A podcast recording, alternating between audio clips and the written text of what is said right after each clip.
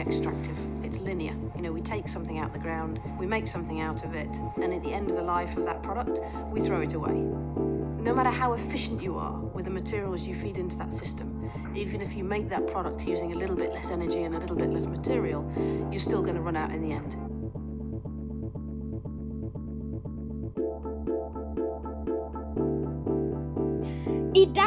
Episoden av Bærekraftseventyr Sveinung, får vi besøk av en gjest vi har gledet oss til å snakke med. Oi, unnskyld, det er noe rart med stemmen min. I denne episoden av Bærekraftseventyr Sveinung, får vi besøk av en gjest vi har gledet oss til å snakke med. Ah, jeg vet ikke hva det er med stemma mi i dag, men i, i denne episoden av Bærekraftseventyr så får vi altså besøk av en gjest som vi har gleda oss til å snakke med. Men aller først, Sveinung, gratulerer med dagen.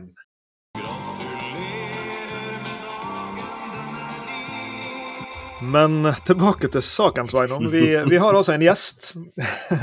og dette her må vi jo kunne si, eh, ikke at vi skal liksom tre eh, studentperspektivet ned over oss her, men dette vet jeg er en av, eh, av alle studenter du har hatt, så vet jeg at dette er en av dine favoritter. Eh, for dette her er jo en person som ikke er her i dag i kraft av å ha vært en av våre tidligere studenter, men eh, Mari, Ma, Mari. Velkommen, Mari, kan jeg begynne med å si da. Tusen hjertelig takk. Kjekt å være her. Før tunga mi krølla seg, så prøvde jeg å si at Mari Larsen Sæter er her. Og Mari er i dag forretningsutvikler i et selskap som vi er glad i, nemlig Carrot, tidligere Waste IQ. Og jeg tar med det tidligere navnet her fordi vi har nevnt dette selskapet flere ganger i denne podkastserien allerede. Og jeg går ut ifra Sveinung, at de første gangene vi nevnte dem, så heter de Waste IQ, men 1.10 i år så skifter altså dette selskapet navn eh, til Carrot. Og du, eh, Mari, du kom jo fra en, eh, en jobb som eh, forskningsassistent på Center for Sustainable Business hos oss på NHH, eh, og kom slik eh, i kontakt med dette selskapet, som eh, tok det fornuften med en gang å ansette deg, som, eh, som de jo burde. Eh, Men kanskje vi rett og slett kan utfordre deg rett på sak til først å fortelle lytterne våre som kanskje ikke kjenner til Carrot, eh, om hva dette selskapet er for noe. Eh, Vi i Carrot vi eh, jobber jo for å kunne skape en verden av sirkulære materialer. Eh, Og måten vi gjør det på, er jo at vi samler innsikt om hvem som kaster hvor mye av ulike typer avfall. Og ved å sitte på disse dataene, så kan vi da gjøre det mulig å eh, motivere og insentivere til at folk blir bedre på å sortere, og at de også da reduserer avfallsmengdene sine. Så, eh, så det er på en måte hovedkjernen i det vi gjør i Carrot. Og så eh, samler vi inn disse dataene da for å kunne gi innsikt tilbake til enten om det er husholdninger eller om det er butikker på et kjøpesenter, sånn at de kan se hvor flinke er de til å sortere. De kan også følge da sin egen utvikling over tid, eller sammenligne seg med andre lignende husstander eh, i kommunen eller i et borettslag eller blant lignende butikker. Så vi tror at denne måten å eh, gi innsikt tilbake fordi det er jo sånn at måte ingen har forhold til hvor mye avfall de skaper i dag. Eh, Så vi tror at ved å gi den innsikten tilbake, så kan vi da eh, dulte folk til å ta bedre valg da, når det kommer til avfall. Så i en fremtid, eller kanskje allerede nå, så kunne jeg hatt en, en, en app hvor jeg kunne fått sett hvordan vi egentlig oppførte oss i denne husholdningen. Er vi på vei dit? Ja, eh, det er jo veldig, veldig interessant, fordi eh, det er jo som, som jeg nevnte, at det er ingen som, som har den innsikten i dag. Og, eh, så vi gir da en app ut til både butikker på et kjøpesenter, eh, og så skal vi gi en app ut mot husholdningene nå eh, fremover på sikt, der da du kan se hvor stort avtrykk din husholdning har når det kommer til avfall, hva avfallstyper dere sorterer mest av, eh, og hvordan det skiller seg potensielt fra andre lignende husholdninger. Om det er noe du er eh, veldig mye dårligere på og bør ta tak i, eller om det er noe som du har vært veldig flink til å fortjene skryt for at du eh, faktisk gjør. da. Dette er spennende, og dere er jo da et selskap som på en måte jobber i den kall det utvida avfallshåndteringsbransjen, da, om du vil. Eller vi skal ikke snakke om avfall, dere, dere jobber kanskje i den ressurshåndteringsbransjen. Eh, men dere er jo ikke en avfallshåndterer, så dere er på en måte en slags, eh, en slags partner eller en slags sånn økosystemdeltaker i renovasjonsbransjen. Blir det riktig måte å se på det på? Ja, det kan man absolutt si. Vi er jo ikke de som leverer liksom avfallsbeholderne eller sånn, men vi kobler oss på eh, teknisk infrastruktur når det kommer til, til avfall. Så det vil si at vi kan f.eks. koble oss til identifiseringsløsninger, som f.eks. at et, eh, en butikk har et adgangskort til en container, eller at du har en, en ID på søppelspannet ditt hjemme i, i hagen. og Da kan vi si noe om hvem det er som kaster. Og så kan vi også koble oss til vekter og sensorer, enten om det er i en avfallsbeholder eller i en, i en søppelbil, så kan si noe om den mengden som du kaster. Og Det er på den måten at vi kan samle inn disse dataene på, på hvem som kaster hvor mye av ulike typer avfall. Vi hadde en episode for, uh, som vi har spilt inn bare for litt siden, og som, uh, som nok ligger ute allerede, allerede, nå, før denne episoden uh, slippes, med, med, Mette Nygaard Havre i Spise opp maten. Og Der var jeg i det åpne og ærlige hjørnet og fortalte om alle mine, mine synder. Mens Lars Jakob han, han satt der mer som en sånn, med sånn engleblikk og, og, og, og, sa egentlig ingenting og holdt seg hold, Kan man også da altså I, i framtiden kunne vi fått bevis her. Det er det jeg egentlig er på jakt etter. altså sånn der, hvor, hvor, våre synder eh, sånn sett hadde blitt eh, like åpenbare, i hvert fall for oss, at de ikke, at de ikke kunne løyet for oss selv heller. Og jeg skal, jeg skal, skyte inn her før Mari får anledning til, til å svare. fordi la, la, meg da være uh, familiens sorte får i dag. For jeg har akkurat flytta inn igjen sammen med familien min i, i, i huset vårt. Eh, og vi har vært ute av det huset i seks uker. Eh, og i mellomtida så har vi bodd i en liten Airbnb, eh, altfor liten for en, for en, familie på fire, oppe i gata her. hvor infrastrukturen var veldig dårlig for å, for å drive både sortering i Eh, i selve leiligheten, og også for så vidt uh, utafor. Og da merka jeg hvor utrolig raskt uh, jeg skal ikke si motivasjon, men jeg er jo for så vidt motivert til å sortere. Men jeg, jeg sorterer jo vanligvis godt. Er godt lært opp av mine venner i renovasjonsbransjen. Men jeg så hvor kjapt jeg havna i en situasjon hvor restavfallet mitt ble latterlig fullt, og latterlig fullt av ting som ikke burde befinne seg der. Eh, så, så det sorte fåret våkna til live her, eh, Sveinung. Og jeg tenker på det Ja, men Du måtte jo ha en unnskyldning, da. Det handla ikke liksom Det handla om at det var så utrolig vanskelig omgivelser, og dere bodde så fryktelig smått og sånne ting. Da, da kan du liksom Og så, og så er det bakover i tid, liksom. Det var bare en periode, liksom. Så nei, du har ikke, du, du, du, du har ikke blitt så mye bedre. Altså. Men jeg syns det, det, var en fin historie, en fin forsøk. Jeg prøver. Men Mari, dette her er jo et atferdsproblem. ikke sant? Samtidig som det er så, så Personen er et problem, infrastrukturen er et problem. Kanskje gulrøttene og, og, og piskene rundt uh, er et problem. Og en annen måte å se på dere på enn å si at dere er et, uh, en økosystempartner i avfallshåndteringsbransjen, er jo at dere er et atferdspåvirkningsselskap. For er ikke det egentlig det dere prøver å få til? Uh, å påvirke atferden til folk?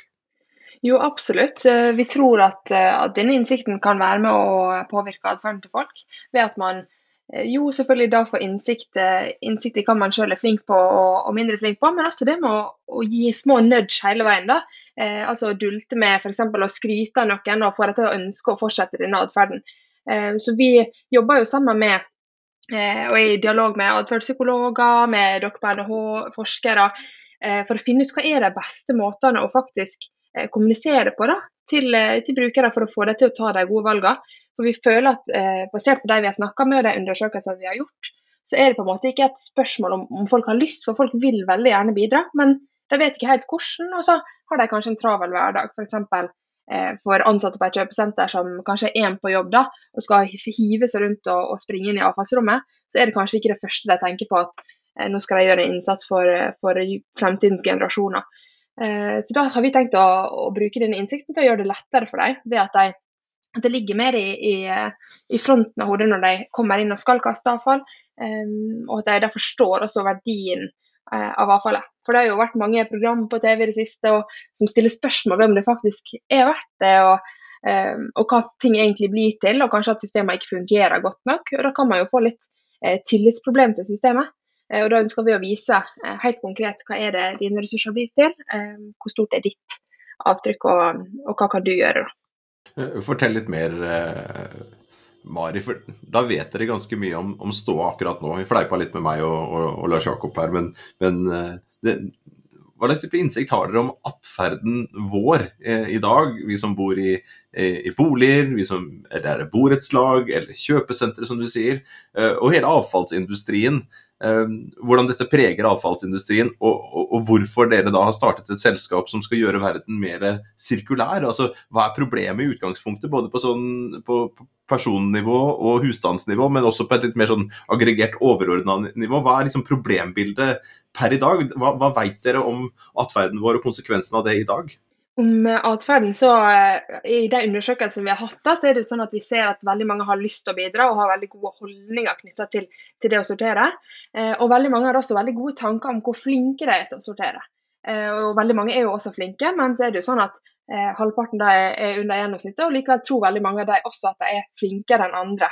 og har kanskje et litt mer negativt bilde til hva, hvor flinke alle andre er. Eh, og Det kan vi også da vise eh, via den appen, at eh, faktisk er ikke du den eneste som bidrar. Så selv om ditt bidrag er veldig viktig, så ser vi også at sammen med det bidraget som alle andre gjør, da, så utgjør det faktisk en veldig stor forskjell. Så du føler deg kanskje ikke helt alene om å skulle gjøre en bitte liten forskjell, fordi du ser at andre i ditt borettslag også er flinke, f.eks. Um, så det er jo noe vi har lyst til å, å vise til brukerne. Og utover det så er jo også eh, i bransjen så er jo en utfordring på en måte at man i dag bare ser det totale store bildet av hvor mye avfall vi skaper.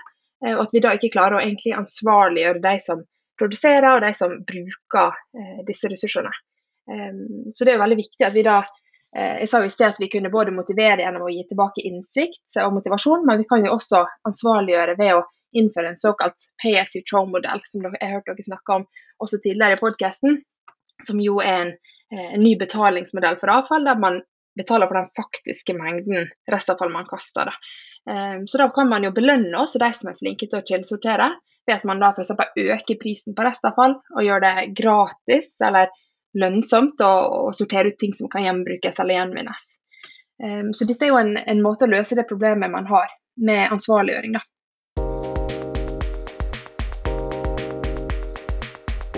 Om pay as you throw betalingsmodellen her, og jeg kan nesten si forretningsmodellen. Han, han er jo beslekta med andre sånne pay as you go-modeller, som en ofte betaler for et produkt mens en bruker det. Og, og denne nyvinninga i avfallsbransjen, som har jo vært testa mange steder i verden, eh, den har jo dere nå eh, eh, kommet i gang med å, å, å begynne å teste i, i, det norske markedet, og ikke minst bedriftsmarkedet. Og, og, du var inne på noen av disse forskningssamarbeidene som er gjort der som del av dette forskningsprosjektet vårt SustainX, eh, som du har vært med på fra begge sider av bordet. Og, vi har jo nå hatt eh, to strålende NHH-studenter, eh, Sofie Foyn Brun og Solveig Midthun Bæra, som har jobba sammen med dere på en masteroppgave som jeg har vært heldig å få veilede, nettopp på å forstå ja, hvordan er det disse typene modeller, sånn som Pay as you throw, oppfattes fra fra et, fra et ansatt perspektiv. altså fordi den modellen, Betalingsmodellen den angår jo på en måte bedriften. altså Det, det vil da være en butikk på et kjøpesenter da, typisk, som får en annen avfallshåndteringsavgift. Mens den som skal sortere, eh, det er jo den som jobber for denne bedriften. altså Ikke den som betaler regninga, men en, egentlig en helt annen person. Og, og Derfor er jo forskning på disse atferdene så eh, så viktig. Og, og, Du snakker jo Mari, som en god økonom, fordi du er en god økonom eh, om, om, denne modellen her eh, inn i avfallshåndtering, og, og, disse eh, masterstudentene våre da, som, som, driver og forsker på det. Er det Får en gehør for disse økonomiske perspektivene inn i en avfallshåndteringsbransje som selvsagt har har vært på en måte veldig drevet av liksom, praktiske, infrastrukturelle, tekniske løsninger. Altså hvor, hvor lett er det å, å, selge nye forretningsmodeller inn i avfallshåndteringsbransjen? Eh, jeg vil absolutt si at uh, vi har på en måte to ulike kundesegment som vi retter oss mot. Det ene er jo næringsbygger, som f.eks. kjøpesenter, og, eh, og, det andre er jo avfallsselskaper. Og når det kommer til disse næringsbyggene, så er de jo veldig interessert i å kunne se på nye modeller for betaling, fordi det kan jo gjøre at de klarer å faktisk redusere kostnadene som er knyttet til avfall. Fordi at det er jo også kostbart f.eks. ved feilsortering og sånne type ting. Så ved at man øker kunnskapen, så kan man jo få folk til å, å klare å redusere denne kostnaden på vegne av eh, det næringsbygget som helhet. Eh, men så er det selvfølgelig også et spørsmål eh, å Tidligere så har jo gjerne eh, avfallskostnadene vært flatt fordelt, eller fordelt basert på eh, f.eks. arealet i en butikk. da. Eh, og Når man da innfører en ny sånn betalingsmodell, så vil det jo være noen som vil komme bedre ut av det, og noen som vil komme dårligere ut hvis de har veldig mye avfall. Eh, så jo, De er jo litt bekymra for hvordan eh, det kan påvirke negativt hos enkelte, og at noen skal bli veldig misfornøyd, så klart. Eh, og Når det kommer til avfallsselskaper, så er de jo også veldig interessert i nye tanker. Jeg opplever dem som veldig fremoverlent. Men selvfølgelig det er jo en, en, stor endring å skulle gjøre om på en hel forretningsmodell. Så jeg skjønner at de også stiller spørsmål og, og er bekymra for effektene. Man vet jo ikke alltid det før man har forska grundig på det. da.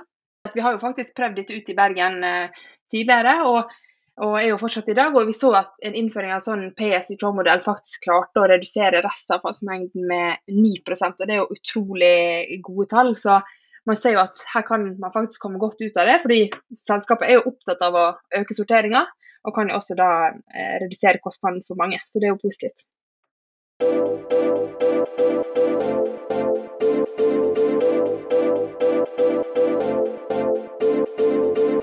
Jeg nevnte episoden med, med Mette Nygaard Havre som, som, som handlet om, om, om, matavfallet. Og så har vi hatt en annen episode også som nå nylig er sluppet, med, med Erik Osmundsen, som tidligere var CEO i, i Norsk Gjenvinning.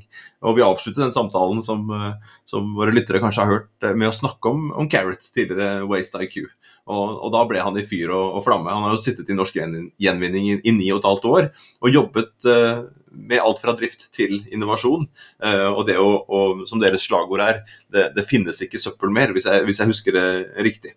Uh, og, og, dere også er jo sånn Ja, hvordan skal vi unngå at ressurser blir til avfall? For det blir det blir avfall i det øyeblikket man kaster det. Så hvordan skal vi opprettholde den, den verdien? Så vi avslutta praten med han med en veldig sånn spennende sånn opptakt til, til, denne praten om, om Carrot. Eh, og Jeg husker tilbake i tid når Anders Våge Nilsen og, og Tore Totland kom til oss for noen år siden med en serviettidé her. Eh, det som, det som, sprang ut av, av BIR, da, Bergen interkommunale renovasjonsselskap. Eh, den ideen om å ha software um, eh, knytta til, til, til, ressursene, knytta til avfallen, det å lage dette sirkulære. og det hørtes jo litt sånn, hva skal jeg si, den, den tiden der for et par-tre år siden, hvor de da ble med på vårt forskningsrådsfinansierte prosjekt, SustainX de ble med, og det var en liten partner eh, den gangen der. Og, og, det var jo mest ideer om hva som skulle bli. Eh, og så ser vi hva det er eh, i dag, hvor dere kjører mange piloter. For én ting er liksom pay as you throw, men jeg syns jo det er et annet en pilotprosjekt i, i disse juletider Eh, det prosjektet dere har eh, ute på Sandvika Storsenter nå, hvor folk kan få lov til å betale julegave med avfall. Kan ikke du fortelle litt mer om det? For det er jo litt, litt av der, det vi fikk høre da Anders og Tore eh, for noen år siden. Det var jo denne type ting at man, at man skulle begynne å, å, å, å, finne ut hva var det folk kasta, hva var atferden deres, hvordan kunne de påvirke atferden? Hvordan vi kunne gamifisere den atferden, hvordan de kunne sette opp da f.eks. sånne piloter og, og, undersøke og teste at, at man da, som nå har blitt en realitet. At dere, at dere, da lar folk betale julegave med avfall. Kan ikke du fortelle litt om, om, om, om dette prosjektet, liksom, litt om konteksten rundt, og hvordan dere tenker å jobbe for å komme dit hen?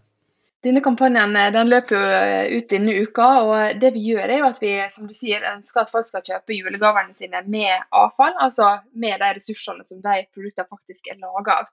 Eh, vi ønsker jo da å gi en smakebit på hvordan en sirkulær verden kan se ut, og at der man faktisk får igjen eh, mer for den innsatsen som man legger i, i kildesortering. Da. Så for så kan man jo eh, levere inn da eh, aluminiumsavfall, f.eks. 62 eh, tomat, sånne makrell i tomatbokser, og få en steikepanne fra Jernia. Eller man kan levere inn gamle aviser og, og få en pocketbok, eller sånne type ting. da. så vi har både liksom, grut, såpegrutstykke og, og masse spennende man kan få der. Så vi har liksom veldig lyst til å vise at det faktisk er verdi i de tingene man kaster i søpla, eh, hvis man da klarer å sortere det ut på en hensiktsmessig måte og, og bruke det om og om igjen.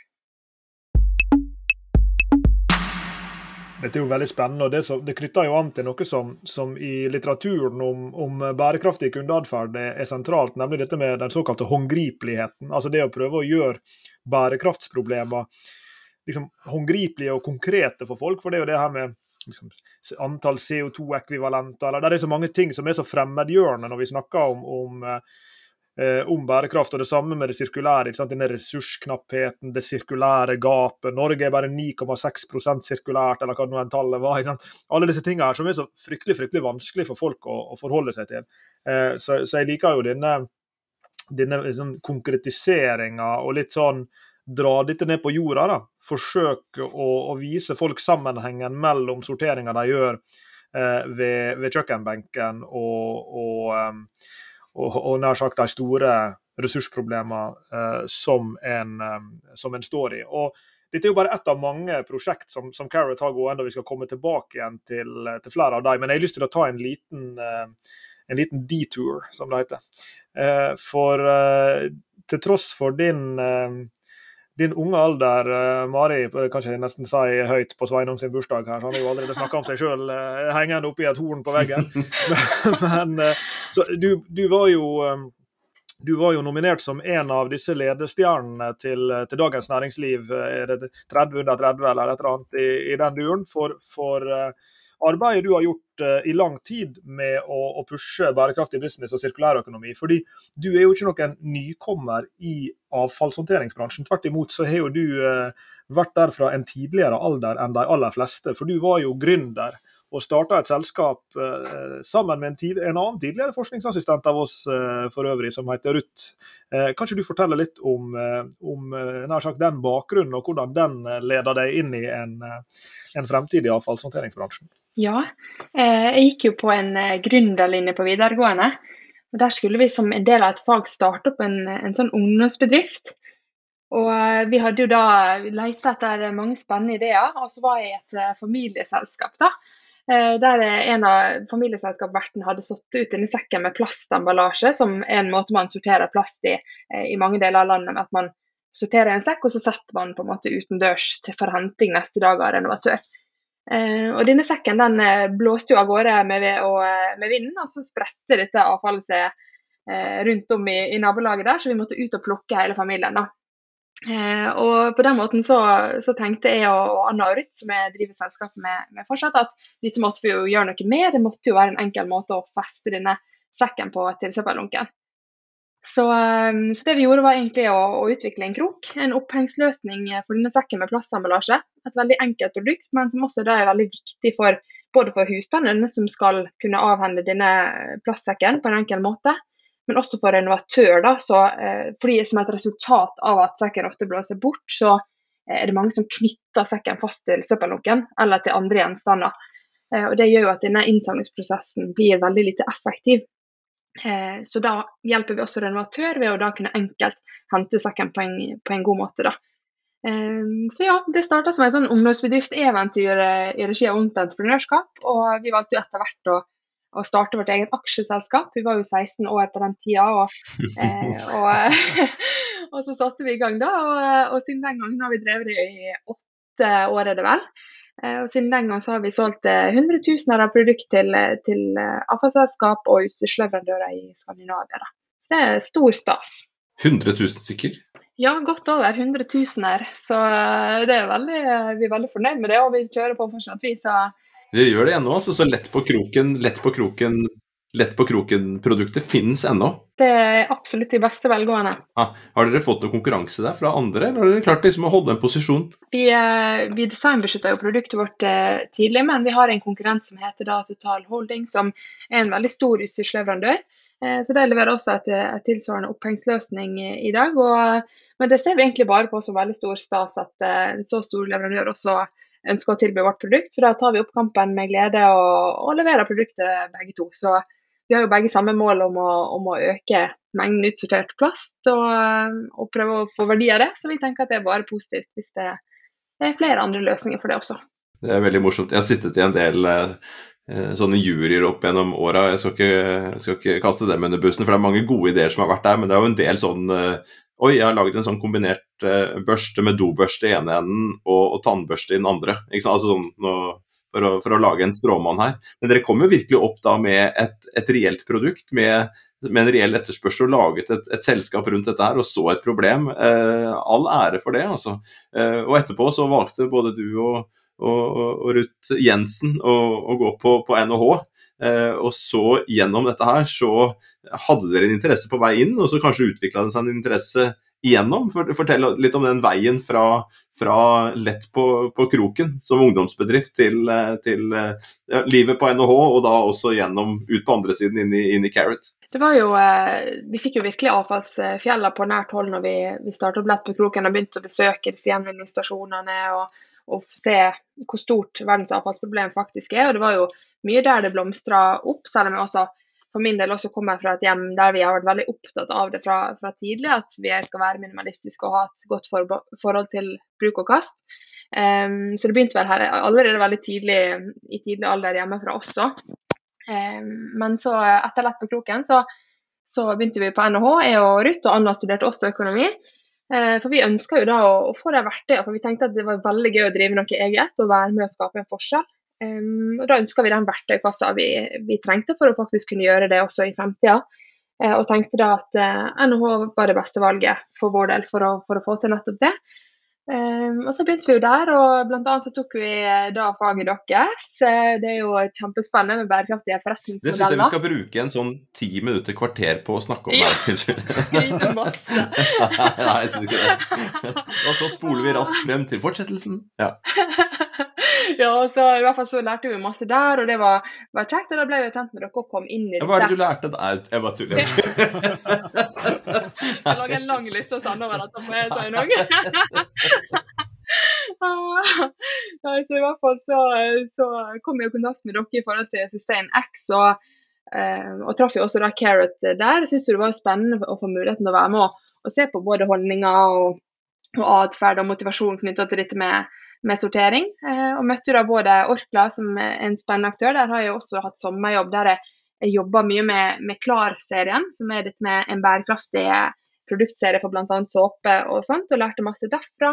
Så det bygde på en måte eh, på seg. Og, og når jeg møtte Carrot, som da fikk også den røde tråden til, til avfallssaken som virkelig lå mitt eh, hjerte nærmest, så skjønte jeg jo at det var der jeg måtte, måtte fortsette også i fast stilling.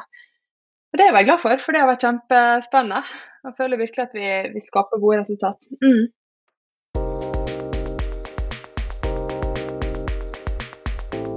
Veldig spennende å høre. og vi, vi, eh, vi, har jo mange unge lyttere her. altså sånn Fordi at det er jo mange studenter både på NHH og andre steder som, som følger denne podkasten. Og, og, så er det også mange vi får, får spørsmål fra som, som kanskje har jobba i 10-20 og kanskje til og med 30 år eh, i ulike typer roller, men som ser nå liksom at bærekraft og bærekraftig business det, det, vokser frem, og så har de lyst til å jobbe med dette her. Hva er ditt sånn eh, generelle råd eh, fra, ut fra din erfaring for folk som har lyst til å, å, jobbe med bærekraftig business? Hva ville du, hva ville du jeg ville jo definitivt i hvert fall gitt som råd at man er jo i en veldig tidlig fase, selv om selvfølgelig noen som, som dere har jobba med dette lenger, så er det fortsatt veldig få som har masse kunnskap om bærekraft. Så hvis man har lyst til å bli god på bærekraft, så er det på ingen måte for sent å hive seg rundt og, og, og, interessere seg for den tematikken. Her er vi jo virkelig i en startfase der vi trenger alle, alle folk til, til arbeid. Eh, så jeg tenker, ja, sett seg ned og se på YouTube og hør på podkast og bli interessert i, i, tematikken og lære masse. Det er så mange ulike veier man kan innlemme det på også. Um, og så tenker jeg jo at Hvis man f.eks. jobber i en bransje eller har studert en tematikk fra før, så skal jo bærekraft inn i absolutt alle fagområder. Så man kan jo også bruke bærekraft inn i det, eh, den forretningsretninga man allerede er i eller ønsker å eh, har planlagt å gå inn i det.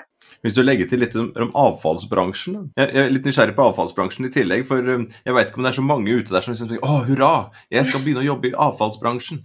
Ja, men altså sånn helt seriøst, Hvordan, hvordan er et, et, et blikk innenfra eh, på denne bransjen hvordan opplever du nå etter et, et år i et sånt uh, selskap som du jobber i? Jeg vil jo si at uh, avfallsbransjen er utrolig spennende. fordi for det første så skjer det enormt mye akkurat nå. Folk har veldig øynene retta mot avfallsbransjen fordi man er helt avhengig av at hvis man skal skape en sirkulær økonomi, så er man helt avhengig av det som i dag havner i søppelbøtta og brennes, at det faktisk går inn igjen i kretsløpet og blir til nye ting. Eh, så det er en bransje som er i, veldig veldig fokus, og som man forventer mye av i tida framover. Og det er kjempegøy å få være med i, i, akkurat den reisen der det skal skje så mye nytt, der man trenger masse ny kunnskap fra f.eks. studenter som kommer inn med et helt nytt blikk eh, på en bransje som kanskje lenge har vært akkurat sånn som den har vært i veldig, veldig mange år. Eh, så her trenger man gode ideer. og jeg vil absolutt si at det er en av de virkelig spennende bransjene å komme inn i. Så kom inn og jobb sammen med oss, det har vi lyst til. vi trenger flere. Og Vi har jo fått lov til å, å, følge denne bransjen på ulike måter. Vi har jobba med, med bier, som Sveinung var inne på, og, og, dere i Carrot. Og vi har også vært involvert med, med, mange andre aktører over tid her. og det er jo, Jeg deler jo denne entusiasmen for, for innovasjonsarbeidet som skjer eh, i denne bransjen. Eh, og så var vi inne på din eh, bakgrunn med Lett på kroken. Det, det, er et fantastisk navn, og det er et fantastisk godt definert eh, problem og, og, og, klar løsning dere fant der. Jeg er jo vokst opp ikke så veldig langt fra der du vokste opp, så jeg, jeg har selv løpt etter flygende gjenstander av både større og mindre karakter, uh, og, og, kjenner meg igjen i det. Og, Carrot på samme måten, uh, Mari, har jo på en måte en klart, et klart definert problem og en klart definert løsning. Men likevel så tror ikke jeg at våre gode venner i Carrot, uh, som har vært der fra starten, vil, vil synes at det er et problem at de sier høyt at det er veldig mye tydeligere nå når en går inn på carrot.no hva dette er for noe. Carrot er et steingodt navn. Eh, det pleide altså å hete WasteIQ. Hvis du gikk inn på wasteiq.no, eller hva nå en adresse var, eh, for et lite år siden, så var det ikke så veldig lett å forstå akkurat hva det var selskapet gjorde, og hvorfor dette var så viktig og sånn. Og før det igjen, det heter vel aldri det formelt, men når vi begynte å snakke eh, med, med Tore og Anders, og også de i BIR, Eh, så, eh, så, så, hadde jo dette navnet bare et prosjektnavn, og det var Boss-ID. Og det funka her i Bergen, for her heter jo eh, Avfall Boss. Men de fleste andre steder så ville jo folk klødd seg lenge og vel i, i skjegget uten helt å forstå hva, hva dette dreide seg om. Så det jeg beveger meg mot her, som du sikkert forstår, det, det er jo kall det kommunikasjon rundt eh, rundt konseptet, rundt forretningsmodellen, rundt løsningene, som, som jeg opplever sett fra ja, delvis utsida og delvis innsida i hermetegn ved å ha drevet forskningsprosjekt sammen med dere over tid, da, er at dette her er blitt så mye tydeligere og så mye kvassere. Kanskje du forteller litt om, om, den prosessen? fordi jeg tenker på For deg som forretningsutvikler i Carrot også, så betyr jo dette her noe. og det det er jo også en del av det du eh, det du selvfølgelig jobber med, altså disse konseptene, disse løsningene, og også kommunikasjon rundt dem, både til prospektive kunder, eh, eksisterende kunder, eh, og for så vidt alle andre interessenter rundt selskapet også. Som du sier, så gikk vi jo fra, fra Boss-side til WasteIQ og nå til Carrot. og vi eh, hadde jo nylig egentlig en prosess på dette med, med navnebytte. Også det å rette oss mer spesifikt på hva det var akkurat vi, vi ønsker å bidra med, og hva som er mest vesentlig for oss å, å bidra med. Um, og WasteIQ det var jo rett og slett, som navnet sier, at, at vi samla inn data og skapte kunnskap om, om menneskers uh, avfallsvaner. Uh, og det, var jo, det er jo på en måte fortsatt det vi gjør, uh, men vi følte at det å ha avfall i navnet var for oss begrensende. da, fordi vi ser jo ikke på det som nettopp det, det, nettopp det navnet sa det var, avfall. Vi ser jo på det som ressurser, og det ønsker vi også å vise til andre. Og, og tenkte derfor at det var et behov for at vi skulle bytte navn. da. Eh, og siden vi ønsker faktisk å, å belønne god sortering og, og, vise at det faktisk teller, at det lønner seg å sortere, så følte vi at Carrot eh, var et veldig passende navn. Siden det handler om, om å gi folk en gulrot, og ikke en, en pista for å gjøre en god innsats. Og Det er jo det vi, vi nettopp eh, gjør ved å økonomisk insentivere de som kaster, og også motivere dem gjennom skryt og tilbakemelding. Så vi har jo egentlig gått fra å ha et fokus på, på måte, næringsbygger og avfallsselskaper og gi dem data og innsikt, til å nå spisse oss mye mer direkte og kommunisere direkte til de som faktisk står og kaster rundt kjøkkenbenken, som du sier da, eh, Lars Jakob. Så, så, nå ønsker vi å rette oss direkte, fordi vi føler at det er der endringa endringer må skje. At det er faktisk en, en atferdsendring som er til for å skape en avfallsendring.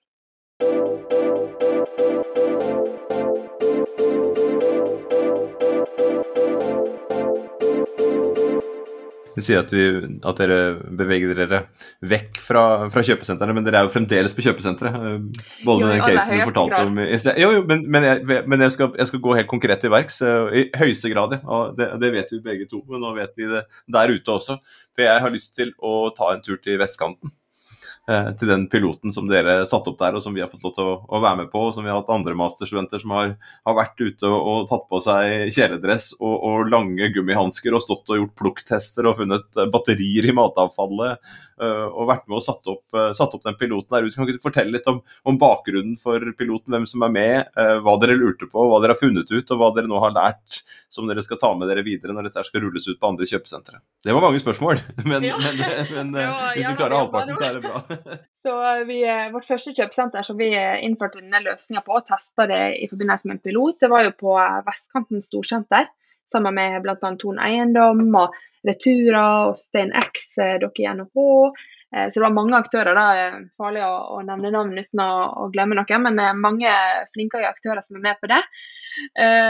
og så var på en måte poenget der at vi skulle se om er det mulig å dulte eh, leietakere, altså da butikkene på et kjøpesenter, og de ansatte som jobber der, til å ta bedre valg når det kommer til sortering og, og avfallsreduksjon, hvis man gir dem innsikt i egne sorteringsdata. Eh, så det vi har gjort, på vestkanten, er jo at vi har eh, innført en smart avfallskonteiner som, eh, som automatisk registrerer hvem som kaster og hvor mye restavfall det er de kaster. Og for andre avfallstyper så har vi da eksperimentert med, med litt ulike måter å registrere mengder på. Bl.a. at ansatte da manuelt veier avfallet sitt, og så registrerer de i en app på mobilen ved å skanne en QR-kode som står på containeren. Og På den måten så kan vi da samle innsikt om, uh, om som jeg om tidligere, hvem som kaster hvor mye av ulike typer avfall. Uh, for eksempel, da kan man se at eh, om f.eks. kitchen er dårligere å sortere enn kategorien for hus og hjem, og da kan man da aktivt den driftssjefen på senteret aktivt følge opp kitchen og hjelpe dem med å bli flinkere. Um, så det er en veldig sånn mer proaktiv måte å følge opp resultater på. Eh, og I tillegg selvfølgelig til den tekniske løsninga, så har vi jo gjort masse spennende som å innføre nye avfallstyper. Kaffegrut, bl.a. tekstiler og sko. Eh, og en rekke andre, andre typer. Og eh, sørge for bedre merking og og også kommunikasjonstiltak ut mot brukerne gjennom denne appen, eh, Carrot-appen, som, som, gir innsikt i egne resultat. Og Veien videre nå, da? Hvordan, hvordan, hva tenker dere for å dra dette her videre? Vi holder jo på å rulle ut på flere, flere kjøpesenter nå. Eh, og tester, og Det er veldig spennende nå i denne fasen der vi eh, er på noen store kjøpesenter, noen er mindre. Eh, noen har et veldig godt utgangspunkt på sortering, andre eh, er mindre flinke. Så det blir veldig spennende å se hvordan løsninger fungerer i ulike tilfeller. Eh, og hva kommunikasjon som, som fungerer på ulike grupper osv. Eh, vi jobber jo også med å, å, prøve å kartlegge hva aktører eh, ligner på hverandre når det kommer til avfall, og vi, hvem er det riktig å sammenligne eh, en butikk med, f.eks. Um, så det er veldig veldig spennende. Vi er jo hele tida på jakt etter å lære mer om, om folks atferd, og hvordan vi kan hjelpe eh, butikkene å, og de ansatte der til å bli flinkere. Og gjøre det så enkelt som mulig for dem, eh, både infrastruktur og løsningsmessig, men også gjennom kommunikasjon. Vi har vel brukt økosystembegrepet både vi og du i løpet av denne samtalen, hvis jeg husker rett. Mm. Eh, I den forstand at skal en få sirkulærøkonomien til å fungere, så trenger en veldig mange ulike typer aktører som jobber sammen langs en lang Eh, både bakover og framover. Eh, sirkulærøkonomien er jo nettopp prega av at eh, ja, vi skal sortere ut disse ressursene slik at vi kan bruke dem igjen, altså framover i, i, verdikjeden. Hva er det som skal skje etterpå? og jeg forstår jo at, at, noe av det som dere også jobber med om dagen, og det er vel en, en, på en måte en problemstilling som dere absolutt ikke fullt ut kan løse alene, men det er jo dette spørsmålet om ja, hvor kan disse ressursene ta veien når vi først har fått kontroll på dem. Altså, for Vi ønsker jo da å oppsirkulere dem, vi ønsker at de skal få et nytt liv. Eh, og, og, Vi har jo nevnt noen eksempel tidligere i denne podkastserien som, som, angår dette caset. her, F.eks. disse eh, pilotene med at matavfallet i bergensregionen blir kjørt opp på Voss, hvor eh, larvene til invertapro spiser dem, og, og, dermed blir til nytt fiskefôr. Som er en sånn klassisk oppsirkuleringsmodell for en, for en fraksjon av, av, ressurser som ikke tidligere har blitt uh, nyttiggjort på den måten. Uh, og Nå forventer jeg ikke at dere har liksom uh, planen klar for alt det her, men kan du si litt om den, den utfordringa og hvordan dere tenker rundt, rundt, det her? Hvordan skal en få til, når dere først har hjulpet verden da, å finsortere alt, eh, alle ressurser som går inn på et kjøpesenter, inn i 25 eller flere ulike fraksjoner, ja, hva er liksom neste, neste, steg som må til for å realisere det sirkulære potensialet ditt? Det er veldig interessant, fordi nettopp når vi henter inn disse dataene om hvem som kaster hva, så får vi også oversikt over hvor store mengder av ulike typer avfall som er tilgjengelige for gjenbruk og gjenvinning på ulike områder. Eh, og Dette er jo en, en kunnskap man har mangla til en viss grad i, i det samfunnet vi er i nå. Det er ikke en veldig Eh, klar sånn markedsplass og en sirkulær, et sirkulært ressursmarked for, for, ressurser som folk sitter på, eh, og bedrifter som faktisk trenger eh, brukte ressurser. Så Vi ønsker å tydeliggjøre dette her og være med å, å koble aktører som trenger ressursene, til de som har ressursene. Eh, så blant annet f.eks. kaffegruta, så er jo dette selskapet Gruten eh, f.eks. Eh, som bruker grut i, i såpestykker og i soppproduksjon, og, og også Invertapro som, som bruker matavfallet til eh, fôring av, av, larver, som igjen brukes til laks. Det er jo veldig gode eksempler på hvordan vi ønsker å, å kunne f.eks. koble til et kjøpesenter sitt, sitt avfall til eh, nytt bruk i, i andre forretningsmodeller. Jeg tror Det er kjempeviktig det du sier her med samarbeid det er ikke alltid at det er intuitivt at én eh, aktør skal ta hånd om hele denne eh, kjeden. At man da kanskje må koble seg til andre for å, for å kunne skape et sånt samspill der man, man, klarer å danne et kretsløp. Jeg måtte bare nevne at jeg har fått, faktisk fått en sånn soppproduksjon Eh, jeg har begynt å produsere sopp med, med gruten hjemme, basert på min egen kaffegrut, og har fått de flotte østersoppene. Så jeg har virkelig fått sett ut i praksis om dagen. Så det har vært veldig stas. Dette blir et nytt selskap du kommer til å starte, det, Mari? Ja. Så du dyrker sopp, du dyrker sopp hjemme? Ja. Så det var, har vært så spennende. og eh, Vi hadde jo én sopp på kontoret og én sopp hjemme hos meg. og den hjemme hos meg var den eneste som grodde, så jeg innså at jeg hadde litt sånn fuktig klima i min 30 kvadrats leilighet. Så det er sikkert ikke så, så sunt klima der jeg bor, men det er veldig bra på soppproduksjon. Så det lover jo veldig bra. Vi kan le av, av kjøkkenbenken, og vi kan le av selvfølgelig skal vi le av at du har hussopp. Men, men eh, jo, altså, ja, den, den, fikk jeg billig. Men, men, eh, men hvordan liksom gå fra hjemmene, disse 30 kvadratene, til 100 kvadratene, til, til, bedriftene, til hele næringskjeden, til kjøpesenteret som en viktig del av det. Ehm, bydeler og byer og, og, og internasjonalt. Altså, vi har jo et svært gap, det kan vi være enige om. Det har vi data på, at det er et stort gap mellom alle de ressursene vi putter inn i økonomien, og det vi klarer å ta ut igjen og, og bruke på nytt. Så vi trenger, som vi har snakket om og som vi eh, i mange episoder, vi trenger eh, tilgangsmodeller f.eks. Og eh, lenge før det blir eh, til avfall. Men så sier du også her vi trenger å å fange opp disse ressursene. For en ting er liksom Dere kan si alt dere vil, og Norsk Gjenvinning kan si at det finnes ikke søppel mer, men i det øyeblikket ingen vil kjøpe det, eh, i det øyeblikket man ikke, ikke, klarer å fange det opp da, og bruke det, enten det er i småskala hjemme på kjøkkenbenken eller i storskala i industrien, eh, hvordan, hvordan, hvordan, jobber dere med å tette det gapet, eh, dette gjenbruksgapet? For, for, for som, du sier, som, som, du sa innledningsvis, så er det jo en del sånn har en dårlig rykte på seg. Og jeg, Hver gang disse bilene kommer og jeg har vært sortert en, en, en måneds tid og setter ut plasten min og, og, og gjør de tingene som, som er forventa av meg, eh, så, så, når den bilen kjører da, så, så lurer jeg alltid litt. Altså, sånn, hva skjer egentlig når den bilen kommer fram på, her på Roverudmyra? Hva, hva, hva, skjer med den videre? Eh, og, og, jeg har jo ikke inntrykk av at det er så veldig god business i det neste leddet ennå. Så hvordan er det dere jobber med det i tillegg til alt det andre? Ja, Det er jo veldig sant det du sier, eh, sier der. og det er jo eh, sånn at vi hele tida må forbedre oss i begge ledd. Både forbrukerne må, må øke det man sorterer ut, og, eh, og, man må også gjøre det mer, på en riktigere måte. Det må være renere, det må være mer. Og På den måten så kan det også enklere i andre enden bli til nye ting. Eh, og på Samtidig så må den andre systemen jobbe med å hele tida forbedre eh, måten man kan gjenbruke disse ressursene og gjenvinne det til nye ting på. Ja, og Dette er jo en, en parallell prosess der alle aktører må være med. Så tror jeg også at myndighetene må, må begynne å stille strengere krav. Jeg tror vi også må f.eks. trappe opp denne CO2-avgifta, som gjør at det blir dyrere å kaste restavfall. for f.eks. Sånn at det, det, vil virke positivt ut på de andre avfallstypene. Eh, men som vi snakka om, dette her med å med å danne et sånt marked. Da. Per nå så føler jeg at det har vært en del eh, manglende informasjon. For eksempel, så er det jo ikke sånn at jeg som student eh, som kanskje har lyst til å ut og skape et selskap, da, hvis jeg hadde visst at her og her finner disse ulike typer ressursene, det kan jeg bruke. Så kan jeg bruke det som en idé inn til en, en ny forretningsmodell. Eh, men det har ikke vært noe informasjon ut på, på hva som finnes av ressurser. Eh, og i den andre enden da, så har vi heller ikke så mye informasjon om hva er det Eh, disse, hva er det som skjer med disse ressursene etter man har sortert dem. Eh, og ved å nå gi tilbakemelding til de som kaster på nettopp det, så tror jeg vi også vil pushe aktørene til å, å kunne si mer om hva er det som faktisk skjer med det avfallet du sorterer hjemme i ditt hjem, eh, og hva er det som skjer med avfallet i din kommune i neste ledd, og at de da blir nødt til å, å faktisk sørge for at det blir til nye ting.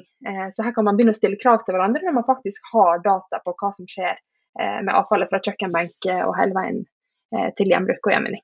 Og så får jo dere drahjelp, Mari, av verden, som beveger seg sakte, men sikkert i en mer sirkulær, sirkulær, retning. Som beveger seg i retning av å begynne å tenke på avfall som ressurser. Som går i retning av å bli mer regulert, går i retning av at folk som eh, du er avhengig av atferden til, enten det er i borettslag eller på hyttefeltet eller på kjøpesenteret, eller i, hjemme i huset, eller i den lille Airbnb-leiligheten, hvor du nå enn måtte være, at de begynner å oppføre seg mer på de måtene som er i tråd med en sånn sirkulær eh, verden. Eh, og så går jeg jo også ut ifra at et selskap som Carrot er obs på eh, at det er en verden der ute som ikke er kommet så langt som Norge hva angår verken avfallshåndtering, pantesystem, alle mulige slags ting, og at det dermed er et, eh, et internasjonalt marked her. At uh, Det er en grunn til at vi gikk fra Boss-ID til Waste IQ og til Carrot, det var et engelsk navn. Eh, jeg går ut ifra at dere har internasjonale vyer. I tillegg vet vi jo at dere har tiltrukket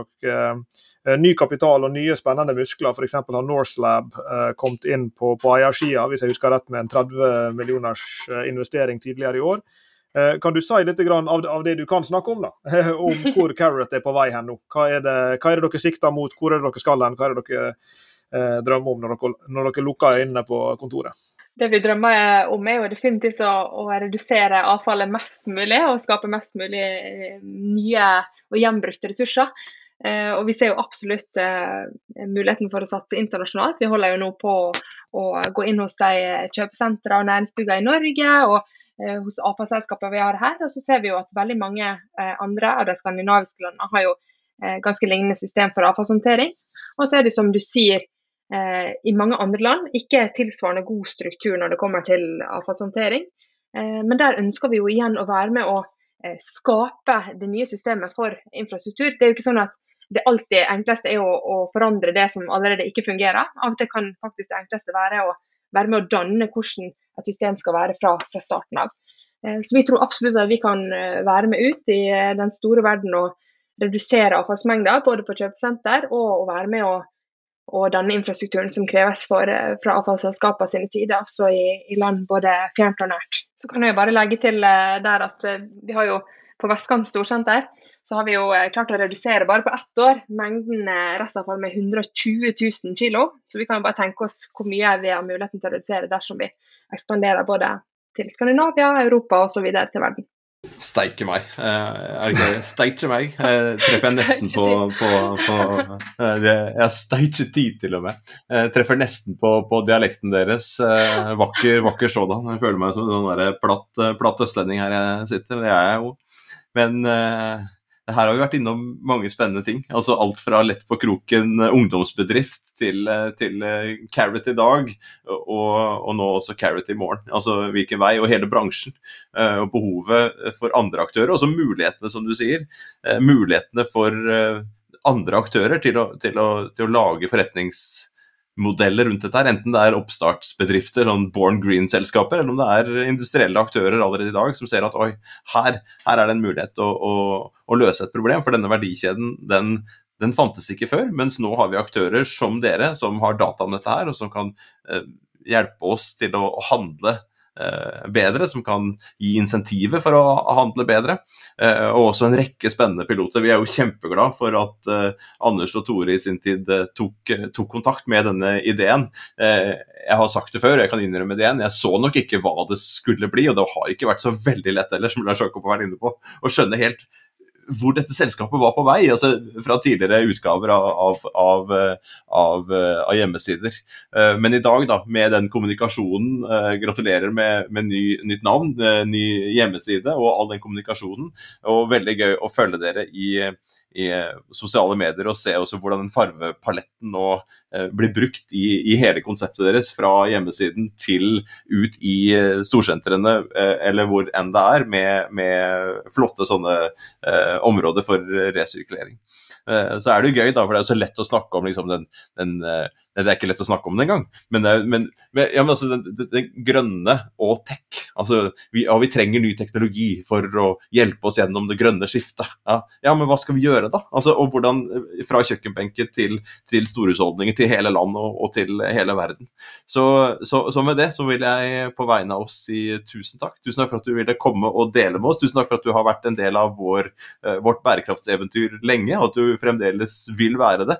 Uh, og så håper jeg at vi kan og vet at vi skal finne uh, nye, nye, eventyr og dra ut på nye eventyr uh, sammen i framtida. Så jeg vil uh, si tusen takk og, og, lykke til videre både med dine individuelle prosjekter og, og Carrot og ellers.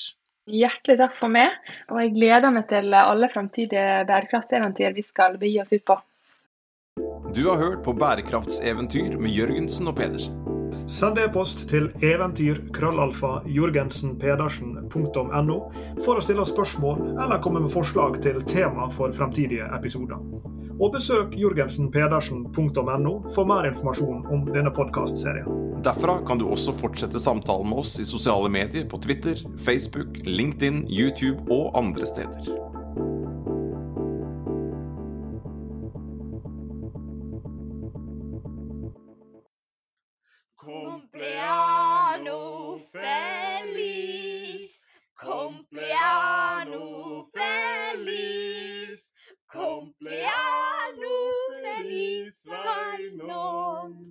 Come